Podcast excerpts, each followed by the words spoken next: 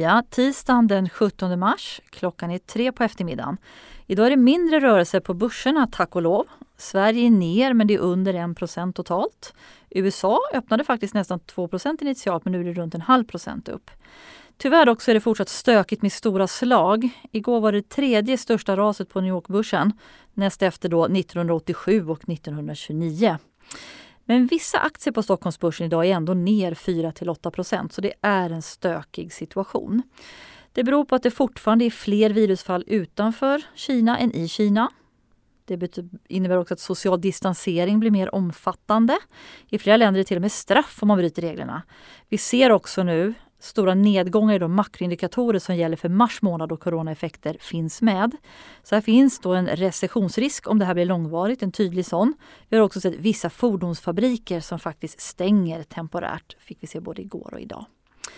Vi får ofta frågan, både från kunder och våra rådgivare, om det här är en repris på 2008. Och då kan man börja med att konstatera att vi är i en så kallad bear market, det vill säga att vi har fallit mer än 20 procent sedan toppen. Nu är faktiskt 30 procent ner i USA och också på ett globalt aktieindex. Svaret kanske är att ja, kanske för ekonomin lite likt 2008, för nu är det tvärstopp. Frågan är hur varaktigt blir det? Och igår så blev ju börsen väldigt skrämd när Trump indikerade att den här oron med corona kanske inte är över förrän i augusti. Eh, man kan väl undra då om man har lyssnat på experter eller om det är en egen gissning. Eh, men 2008 då föll faktiskt den mest följda konjunkturbarometern i USA, den heter ISM-barometern. Den föll under 35 för industrin. Och den, nu har vi inget som, som liksom har coronaeffekter i sig, men innan låg den runt 50. Och för tjänstesektorn då, som är väldigt tung i USA, så låg, hamnade barometern under 38 när den var som lägst då, 08-09. Nu när vi hade den senaste siffran i februari så var den 57. Eh, så att vi är långt därifrån, men det här är nivåer att titta på. Går den här barometern under 44 så har det historiskt alltid blivit en recession i amerikansk ekonomi, men av olika längd. Kom dock ihåg att vi tror att stora välskötta bolag kommer överleva det här. Det kan bli tuffare för många små företag då tyvärr. Och vi upprepar det vi sa igår. Det här är en viruskris som vi kan se slutet på. Det är inte en finanskris där ekonomins blodomlopp och förtroendet för banksystemet är i gungning. Det är faktiskt så, skulle jag påstå, att vi ser ingen oro i banksystemet alls likt 2008. Absolut inte. Och det här kan vi mäta. Vi kan titta på olika räntespreadar som mäter då kreditrisken mellan bankerna. Och de har ökat något men är väldigt låga. Så centralbankerna de har agerat snabbt den här gången och de här penningpolitiska åtgärderna som nu är levererade de har väldigt stor omfattning. Så i tid helt enkelt. Däremot på företagsobligationsmarknaden där bolag eh, hittar finansiering, där skakar det. Och det skakar ordentligt precis som på börserna. Och kreditspreadarna de är nu på nivåer som vi såg vid eurokrisen 2011 eller något över. Men långt från nivåerna då vid finanskrisen 08-09. Om man ska ha någon slutsats vad man ska göra så tycker vi att det är för tidigt att köpa företagsobligationer brett. Jag sa igår att vi inte riktigt var köpare av aktier. Men företagsobligationer de har fallit, men inte så kraftigt och det finns fortfarande risker av olika slag. Allt ifrån kreditrisker till utflödes och likviditetsrisker och sentimentet på den här marknaden det ser vi idag, det är klart negativt. Sen finns det ett litet problem och det är att många Eh, har sett företagsobligationsfonder som ett alternativ till kontosparande. Och då blir väl det här uppvaknandet inte så roligt då, för det är ju risk i de här. Eh, något annat som vi också vill förtydliga då när det gäller det här med ekonomi och börs är att det är viktigt att förstå att börsen kommer vända tidigare än ekonomin. Det kan vara bra att känna till som investerare.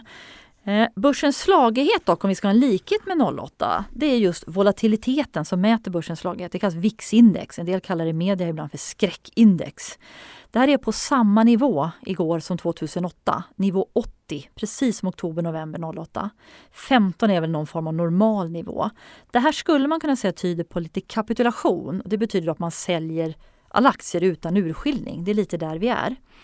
Men notera då att efter den här, att VIX-index, när volatilitetstoppen i USA 2008 skedde, då föll börsen faktiskt 10% till bara. Och sen vände den upp tre månader senare och den tvärvände och då var VIX runt 40, alltså halverat.